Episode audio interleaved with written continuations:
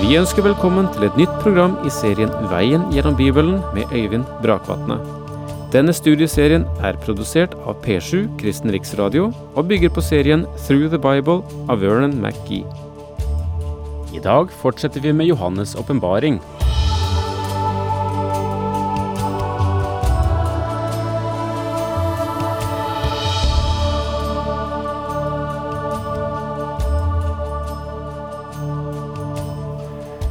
Velkommen tilbake til denne mektige boken, som eh, er historie fortalt på forhånd. Og det er, således en forunderlig bok vi har med å gjøre når det dreier seg om Johannes' åpenbaring. Vi eh, befinner oss i kapittel tolv, og vi har eh, foran oss noen meget interessante vers som vi begynte på sist, og som jeg eh, tror vi må fortsette å se litt mer på.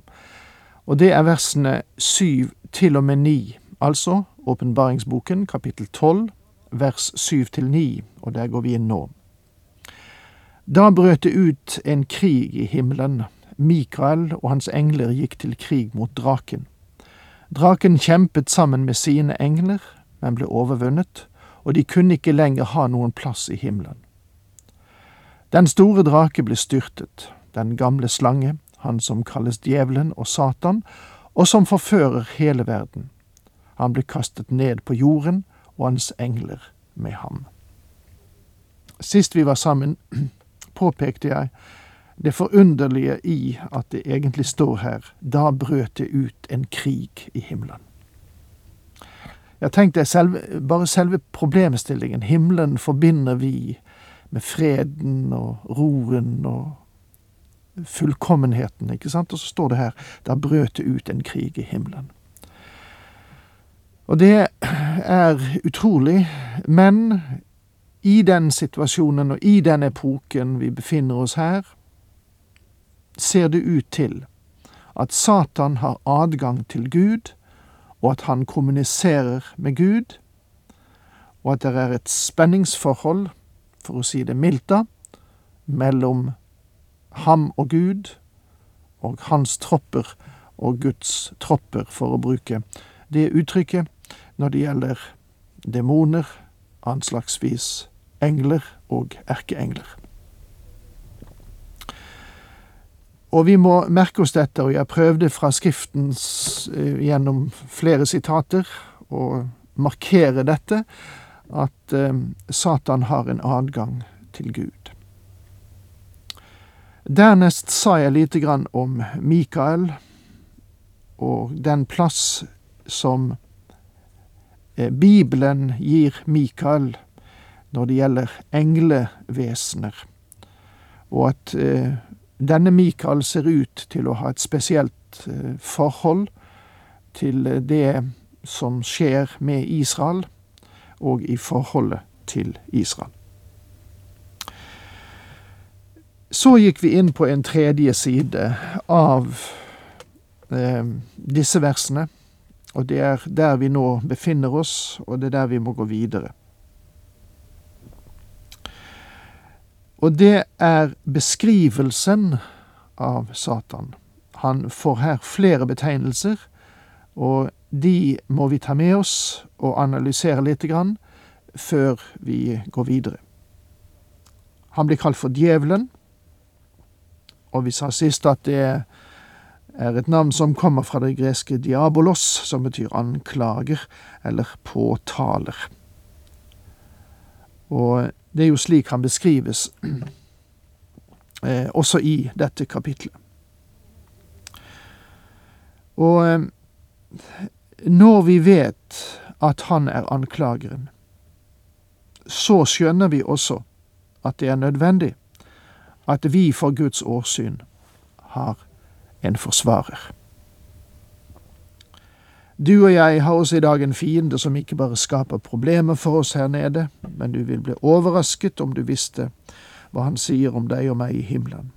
Det er ingenting som du eller jeg sier eller tenker som han ikke prøver å vende mot deg der oppe, altså for Guds trone. Men, Og det er jo det fantastiske. Gud kjenner allerede til det. Og jeg liker å komme Satan i forkjøpet og bekjenne tingene før han drar dem fram og anklager meg for dem. Jesus er vår advokat hos Faderen. Mine barn, skriver Johannes i sitt første brev, kapittel to, dette skriver jeg til dere, for at dere ikke skal synde. Men om noen synder, har vi en, en som taler vår sak hos Faderen, Jesus Kristus, den rettferdige. Det ville jo vært herlig om jeg ikke syndet, men det gjør jeg. Og vi må prise Gud for at vi har en advokat hos Faderen, Jesus Kristus, den rettferdige, som er der for å forsvare oss. Han har vært travelt opptatt helt siden jeg kom til denne verden, og jeg har en følelse av at han er opptatt med å forsvare både meg og deg. Fremdeles. Tro ikke at han sitter der og tvinner tomler og går på tomgang. Han er din forsvarer, din advokat. Djevelen er en anklager, han er en løgner fra begynnelsen, han er løgnens kilde. Ja, hvor kommer den sladderen fra som nå da brer seg også i våre menigheter?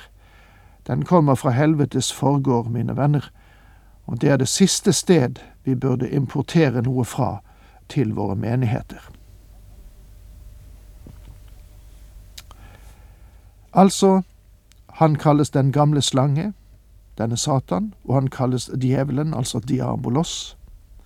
Og for det tredje sies det i disse versene at han blir kalt for Satan, som betyr motstander. Han er Guds fryktelige motstander, og også motstander av ethvert Guds barn. Vi blir formant, vær nøkterne og våk, deres motstander, djevelen, går omkring som en brølende løve for å finne noen å sluke. Første Peters brev, kapittel fem, vers åtte. Jeg har fått et og annet brev der mennesker takker for at de har brutt seg løs fra sekter og kulter som ikke forkynner Guds ord rett. Da jeg eh, begynte å granske Guds ord, ble jeg klar over hvor fast jeg satt i Satans felle, skrev en. Ja, Satan har altfor mange i sitt garn, selv kirkemedlemmer og vi må være oss fullt bevisst at han er vår fiende. Det betyr ikke at hele vår horisont skal fylles med oppfatninger av Satan og demoner og djevler, langt derifra. Det er nok sant at han synes å ha en høyere aktivitet enn det virket som han hadde for en generasjon siden. Men det du må være opptatt av for å seire, det er å feste ditt øye på Jesus, for det er han som representerer din utfrielse og han er der oppe for å hjelpe nettopp deg. Til sist i disse versene blir Guds motstander kalt for den som forfører hele verden. Og det er jo et veldig sterkt uttrykk, da. Under den store trengsel vil Satan være i stand til å forføre mennesket totalt. I dag er hans forførelse partiell. Satan forfører mennesket i forhold til Gud og Guds ord. Han fikk Eva til å mistro Gud. Har Gud virkelig sagt at du ikke kan ete av dette treet? Du kan ikke stole på ham i denne sak, kan du? Og det var Satans tanke, eh, som du møter den i Første Mosebok kapittel tre. Satan forfører også mennesker i forhold til andre mennesker. Satan får mennesker til å tro at de er bedre enn de er, og likevel forakter han oss. Han bygger oss opp og sier til oss at vi kan bli guder, og hvor vidunderlig det ville ha vært. Men Satan forfører mennesket også i forhold til verden, til kjødet og til djevelen. Du og jeg tror at vi er store nok til å overvinne verden, vårt kjød og djevelen, men vi er ikke sterke nok og store nok til å overvinne noen av dem. Verden er for stor for oss, og den ville sannelig dra oss bort fra Herren om den kunne. Satan forblinder mennesket i forhold til evangeliet. Han har ikke nødvendigvis noe imot at et menneske går i kirken eller går i flere kirker, men han vil ikke at noen skal bli frelst.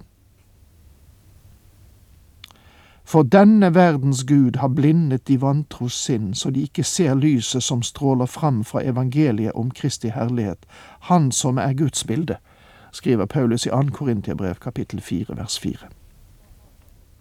En har sagt det slik.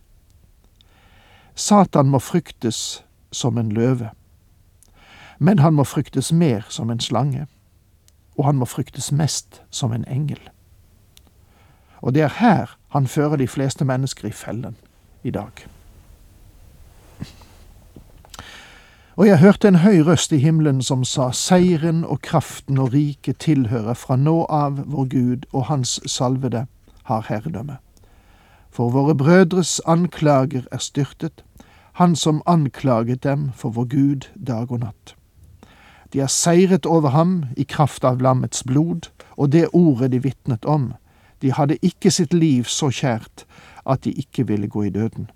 Derfor skal dere juble, himler, og dere som bor i dem. Men ulykkelige jord og hav, for djevelen er kommet ned til dere, og hans vrede er stor, fordi han vet at han bare har en kort tid igjen.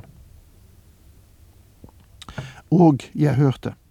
Dette minner oss om at Johannes fremdeles er tilskuer til og hører det som inngår i disse hendelser. Og han vil ikke at vi skal glemme det, fordi det er meget viktig.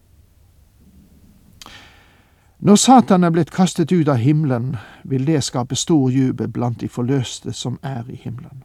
En høy røst i himmelen kan tenkes å henvise til de hellige fra Det gamle testamentet, eller de hellige fra den store trengsel som har lidd martyrdøden frem til dette punkt som vi møtte det i Åpenbaringen seks. For de nevner sine brødre på jorden, for våre brødres anklager er styrtet. Den første store maktdemonstrasjonen som settes i verk mot det onde etter Kristi død og oppstandelse, er det å kaste Satan ut fra himmelen. Og Det er begynnelsen til bevegelsen som skal føre til at Jesus overtar herredømmet her nede. Da Kristus døde på korset, banet han veien for at Satan skulle kastes ut. Og lytt til det som skrives i Kolosserbrevet. Gjeldsbrevet som gikk imot oss på grunn av lovens bud, strøk han ut og tok det bort ved å nagle dette korset. Jesus gjorde det mulig for mennesker å bli frelst ved hans død. Gud strøk ut vår syndegjeld ved å nagle den til Kristi kors. Kristus betalte fullt ut. Paulus fortsetter med å si han avvæpnet maktene og myndighetene og stilte dem fram til spott og spe da han triumferte over dem på korset. Og um, det fører oss til det punkt der vi faktisk må si Takk for nå. Herren med deg.